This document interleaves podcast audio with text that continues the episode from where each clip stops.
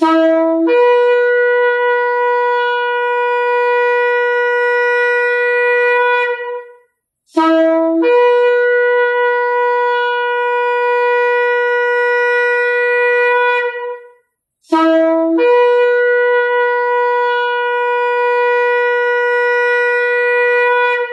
Sahabat RPK di mana pun Anda berada, Shalom Beshem Yesua Hamasiah, salam sejahtera dalam nama Yesua Hamasiah, dalam nama Tuhan Yesus Kristus, Juru Selamat kita. Selamat mengikuti siaran Tekiah, Talaah Kata Ibrani Alkitabiah bersama Gembala Benyamin Obadia, Ketua GKMI Gereja Kehilat Mesianik Indonesia. Tekiah dalam bahasa Ibrani adalah cara peniupan shofar seperti yang telah didengar tadi. Siaran Tekiah ini dimaksudkan untuk menggali kebenaran Alkitab dari bahasa dan masyarakat Ibrani yang menjadi persemayan tumbuhnya iman Kristiani kita yang berasal dari tanah perjanjian Israel di Timur Tengah. Saudara dapat mengajukan pertanyaan ke 0812991240 untuk mendapatkan jawaban dari perspektif mesianik. Hari ini kita akan membahas kata bitahon dalam bahasa Ibrani dieja bet, tet, het, fav, nun, sofit. Dibaca bitahon, artinya trust, rasa mempercayai. Bitahon, rasa mempercayai. Yesaya 12 ayat 2. Sungguh Elohim itu keselamatanku. Aku percaya batah dengan tidak gemetar. Sebab ya Adonai itu kekuatanku dan masmurku ia telah menjadi keselamatanku, Yesuati. Nabi Yesaya menubuatkan hari penebusan dengan menyatakan bahwa ia mempercayai batah to trust, mempercayai dengan sepenuhnya. Sebab Yah Adonai merupakan kekuatan dan sukacita dan ia menjadi Yesuati keselamatanku. Apa yang dihadapi Yesaya sehingga Tuhan memberi kata nubuat dan penghiburan tersebut? Nabi Yesaya melayani di kerajaan Yahudi di selatan Israel. Ia hidup di tengah umat yang mengikuti gaya hidup amoral dan penuh dengan penyembahan berhala. Kerajaan Yehuda hidup dalam dosa, demikian juga bangsa-bangsa di sekitarnya. Tidak ada umat yang hidup yang sesuai dengan perintah Tuhan, saat itu, kerajaan Yehuda berada di bawah ancaman kerajaan Asyur. Yesaya dihadapkan kepada sikap dan kebijakan raja yang tidak jelas dan tidak dapat dipegang. Dalam keadaan ini, turunlah firman Tuhan kepadanya, menegaskan bahwa keselamatan itu datang dari Adonai dan bukan dari raja yang cara hidupnya berdosa. Ketika Adonai meneguhkan rencana keselamatannya, Nabi Yesaya dipimpin oleh Ruh HaKodes, Roh Kudus menyatakan bahwa ia mempercayai Batah Adonai. Batah merupakan kata kerja, to trust, mempercayai. Bentuk kata bendanya bitahon, yaitu trust, percaya atau rasa percaya. Yesaya mengatakan bahwa ia mempercayai Yud He Vav He yang dipahami sebagai Tuhan penebus dan dibaca oleh anak-anak Israel sebagai Yah Adonai. Yah atau Yud-He dibaca Yah dan Yud-He Vav-He dibaca Adonai sehingga lengkapnya dibaca Yah Adonai. Kata kunci di sini di dalam ayat yang barusan kita baca adalah to trust, mempercayai orang yang mau, yang mau membuat perjanjian harus mempunyai trust, rasa percaya satu sama lain.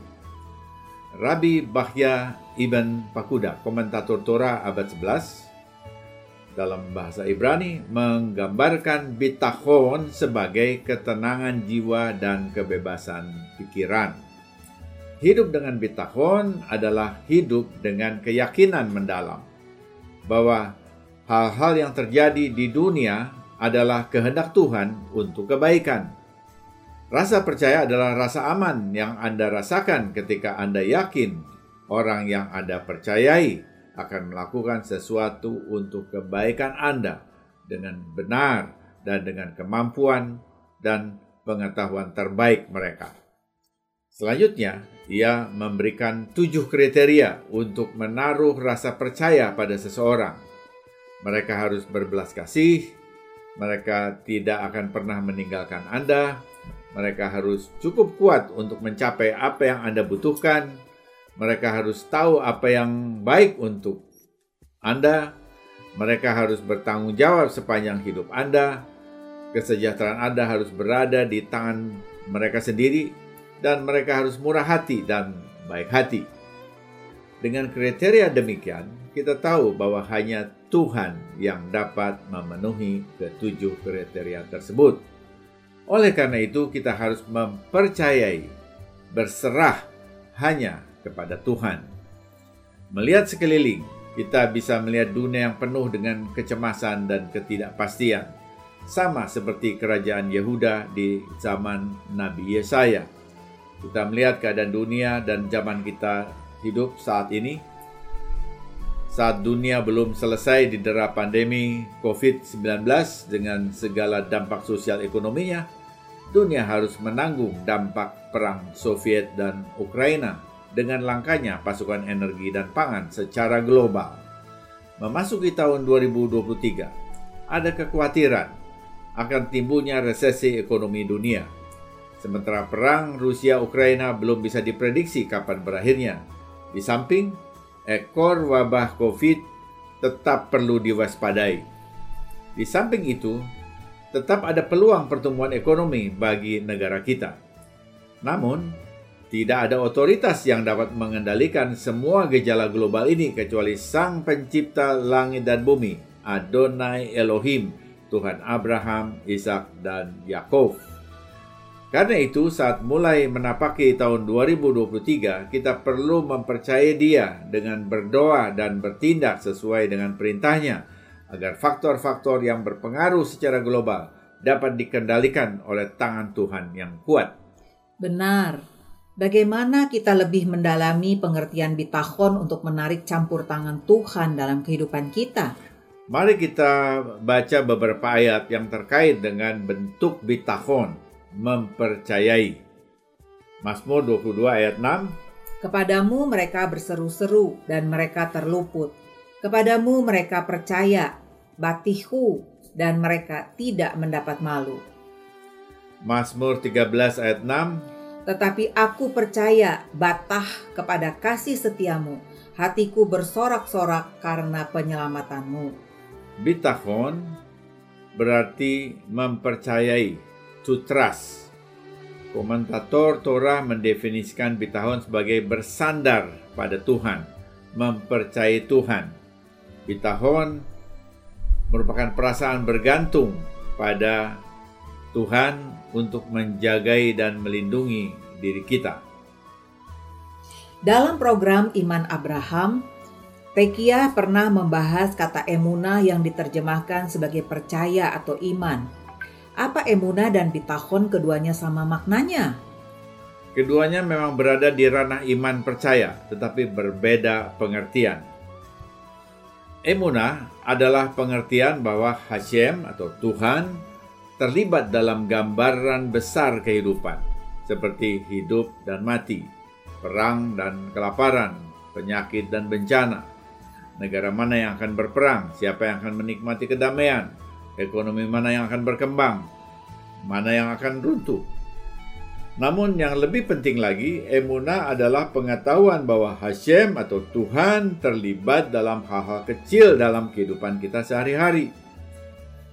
Tuhan Hashem ada bersama kita 24 jam sehari, 365 hari dalam setahun, tahun matahari. Sepanjang hari, setiap hari dari pagi hingga malam.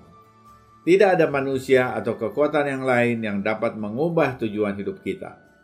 Hashem, Tuhan memutuskan nasib manusia dan Tuhan ada di sana untuk melaksanakannya. Itulah emunah, pemahaman yang jelas bahwa Tuhan menguasai dunia. Dari hal yang besar ke hal yang kecil, dari hal global ke perihal lokal, di semua platform dan situasi. Hashem atau Tuhan, ya, Hashem bahasa Ibrani untuk Tuhan, ada untuk mengendalikan setiap hasil. Di samping itu, bitahon bagaimanapun sangat berbeda. Bitahon berarti trust, rasa percaya. Hofos, seorang komentator Torah, mendefinisikan bitahon sebagai mengandalkan Tuhan, mempercayai Tuhan.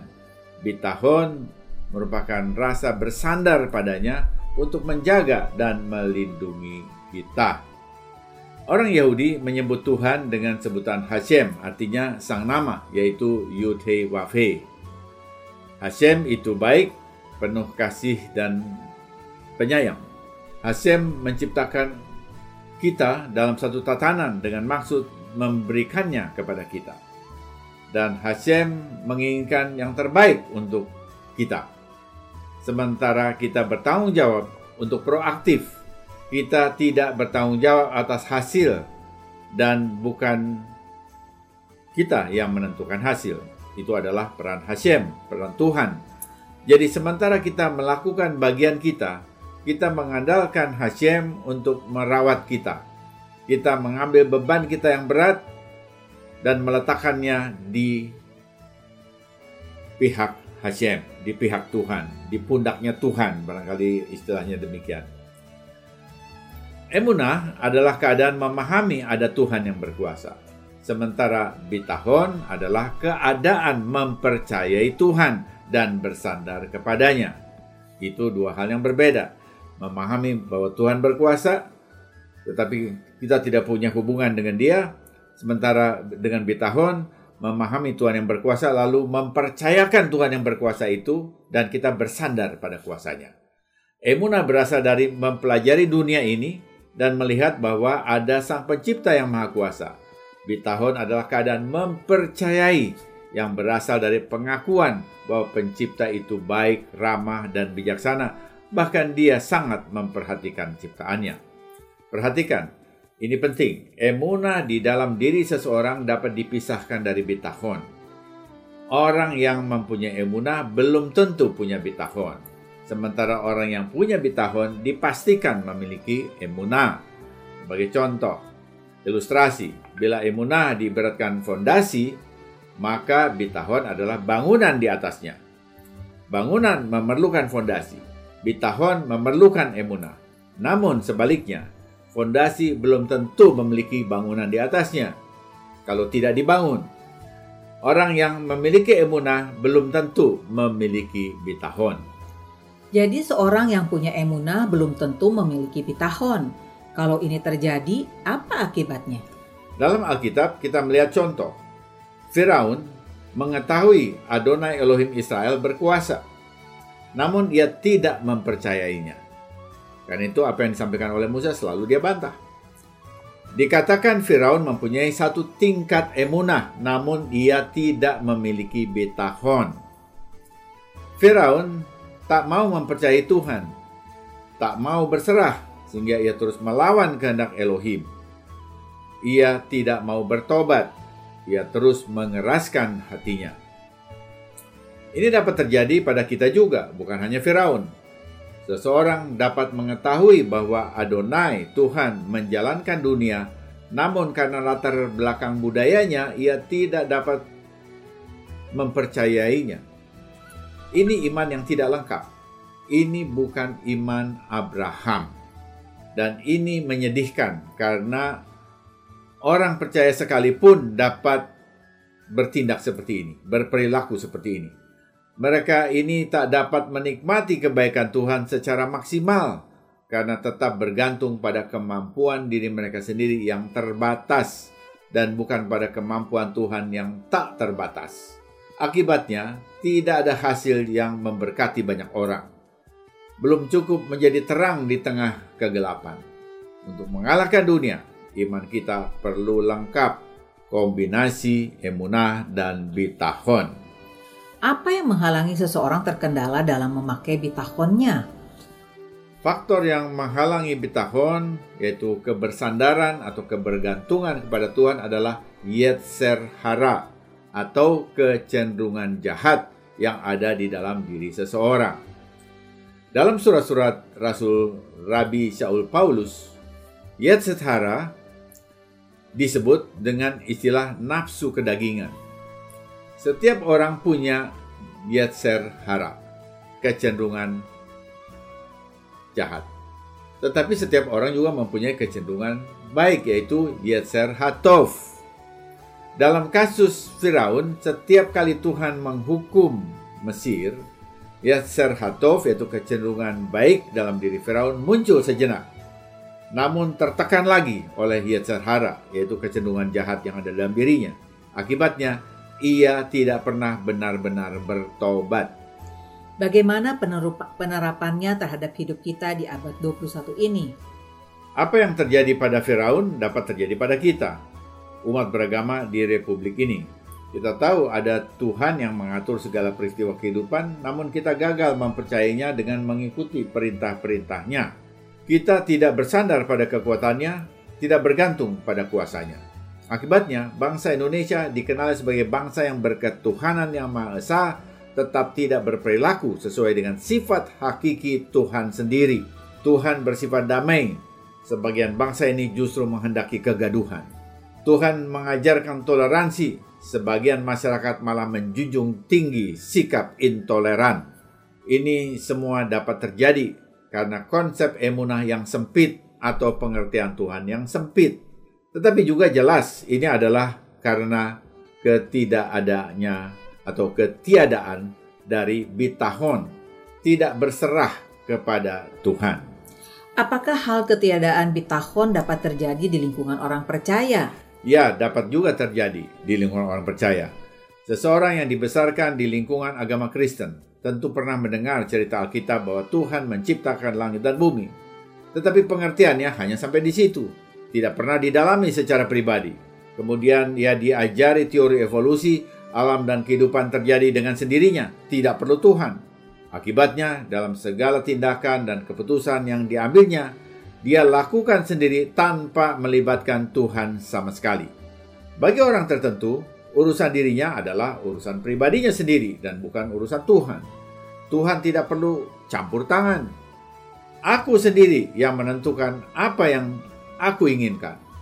Ungkapan ini menunjukkan bahwa ia tidak perlu Tuhan secara pribadi. Suatu bentuk keangkuhan manusiawi. Dalam keadaan seperti ini, Yetzer Hara, kecenderungan kedagingan akan mengemuka. Sebaliknya, Yetzer Hatov, kecenderungan baik, akan tertekan. Ia didorong mengikuti keinginannya sendiri menjauhi kehendak Tuhan. Sesungguhnya apakah kecenderungan bitahon dapat ditelusur secara alamiah dalam kehidupan sehari-hari? Bitahon atau trust atau rasa percaya sesungguhnya sudah dimulai pada saat kita lahir. Naluri menangis saat bayi lahir secara otomatis dan seketika Segera sang ibu memeluk dan mengasuh kita. Di situ kita percaya kepadanya. Muncul rasa percaya kepada ibu dan juga kepada ayah. Sejak kecil kita memiliki rasa percaya secara penuh kepada orang tua atau pengasuh kita. Kita mempercayai guru kita, sopir bis, polisi, dan sebagainya. Saat kita memasuki masa dewasa, kita menempatkan rasa percaya kita kepada berbagai pihak seperti teman sebaya, internet, ponsel, musik yang kita dengar, mobil yang kita tumpangi, dan kekasih kita. Selanjutnya bertahun-tahun kita bersandar pada rekan kerja kita, teman-teman dalam kehidupan kita, bankir, dokter, dan sebagainya. Dengan bertambahnya usia, barulah banyak orang mulai berpaling untuk percaya kepada Tuhan. Semua unsur yang kita percayai ini adalah titik rapuh dalam hidup kita karena dapat hancur dan dihancurkan. Orang tua dapat melecehkan atau meninggalkan anak-anak mereka. Pacar bisa putus. Polisi bisa menjadi bengkok. Mobil dapat mogok dan rusak. Guru kita bisa menekan. Bangkir dan anak-anak bisa kabur. Pengasuh bisa menipu kita. Tokoh agama mungkin menyimpang Pembawa berita bisa berbohong, tetangga mungkin menuntut, pasangan dapat bercerai, agama dapat mengecewakan kita dan kematian pada akhirnya akan datang. Hanya Tuhan yang pada akhirnya dapat dipercayai Seperti yang disaksikan oleh David, Raja Israel dalam Mazmur 92 ayat 16. Adonai itu benar bahwa ia gunung batuku dan tidak ada kecurangan padanya. Bagaimana kita menjalani tahun 2023 bersama Tuhan? Kita perlu menjalani tahun 2023 dengan iman seperti yang tertulis dalam Roma 1 ayat 17 Sebab di dalamnya nyata kebenaran Elohim yang bertolak dari iman dan memimpin kepada iman seperti ada tertulis, orang benar akan hidup oleh iman. Orang beriman akan tetap hidup. Jadi di awal tahun ini, mari kita berkomitmen untuk menjalaninya dalam Yirah Hashem, kekaguman akan Tuhan yang mendorong kita kepada emunah, iman kepada Elohim yang hidup. Iman, emunah diperlukan untuk hidup berkemenangan seperti yang tertulis dalam 1 Yohanes 5 ayat 4. Sebab semua yang lahir dari Elohim mengalahkan dunia. Dan inilah kemenangan yang mengalahkan dunia, iman kita. Iman kita mengalahkan dunia. Tapi sama seperti Abraham, iman yang mengalahkan dunia adalah iman percaya kita yang memiliki fondasi dan bangunan yang kokoh Iman dalam paket lengkap yaitu emunah dan bitahon. Emunah yang dilengkapi dengan bitahon. Emunah percaya kepada Tuhan yang Maha Kuasa dilengkapi bitahon, mempercayai Dia dengan bersandar pada kuasanya. Kemudian untuk melindungi bitahon dari gerusan keduniawian, kita perlu mematikan diet serhara, keinginan daging dalam diri kita dengan pertolongan Roh Kudus seperti yang ditulis oleh Raf Syaul dalam Kolose 3 ayat 5. Karena itu matikanlah dalam dirimu segala sesuatu yang duniawi, yaitu percabulan, kenajisan, hawa nafsu, nafsu jahat, dan juga keserakahan yang sama dengan penyembahan berhala. Ringkasnya, pertama kita berjalan dengan yirah, kekaguman, dan ketakjuban akan Tuhan. Kedua, kekaguman akan Tuhan akan mendorong kita kepada iman yang lengkap, emunah dan bitahon mengakui Tuhan yang Maha Kuasa dan bersandar pada kuasanya dalam segala segi kehidupan kita, keluarga, pekerjaan, pendidikan, dan pelayanan. Ketiga, mematikan nafsu kedagingan yang melawan bitahon, penyerahan diri dan kebergantungan kepada Tuhan. Mengapa? Karena Tuhanlah sumber segala berkat dan tidak ada kecurangan di dalam Dia. Amin. Wah, Sungguh suatu pedoman yang luar biasa bagi kita untuk menjalani tahun 2023 ini. Pertama, Yirah, kagum akan Adonai Elohim, Tuhan Abraham, Ishak, dan Yakov. Kedua, berjalan dalam iman yang lengkap, emunah dan bitahon, mengakui dan bersandar pada Tuhan dalam segala keputusan, pilihan, dan tindakan. Ketiga, Matikan Yetzer Hara, nafsu kedagingan yang menghambat bitahon. Semoga siaran ini memberkati saudara. Informasi bagi saudara, ibadah Syabat Mesianik GKMI disiarkan secara live streaming di YouTube. Rekaman siaran Tikia sebelumnya dapat didengar di YouTube kanal Kehilat Mesianik Indonesia. Harap like, subscribe, dan share. Bila saudara diberkati oleh siaran Tekiah dan mau kembali memberkati siaran ini, Saudara dapat mengirimkan dukungan dengan menghubungi Happy di 0811 910 814 0811 910 814. Sesudah narasi ini kita akan mendengar lagu rohani berjudul Leaning on the Everlasting Arms. Bersandar pada lengan kekal oleh Bill Gates dan kawan-kawan. Alangkah indah dan bahagia bersekutu dengan yang ilahi.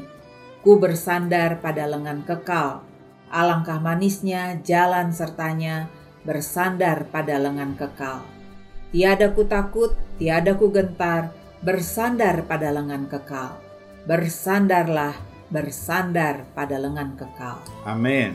Dengan emunah dan bitahon, dengan bersandar pada lengan kekal, kita jalani tahun baru 2023.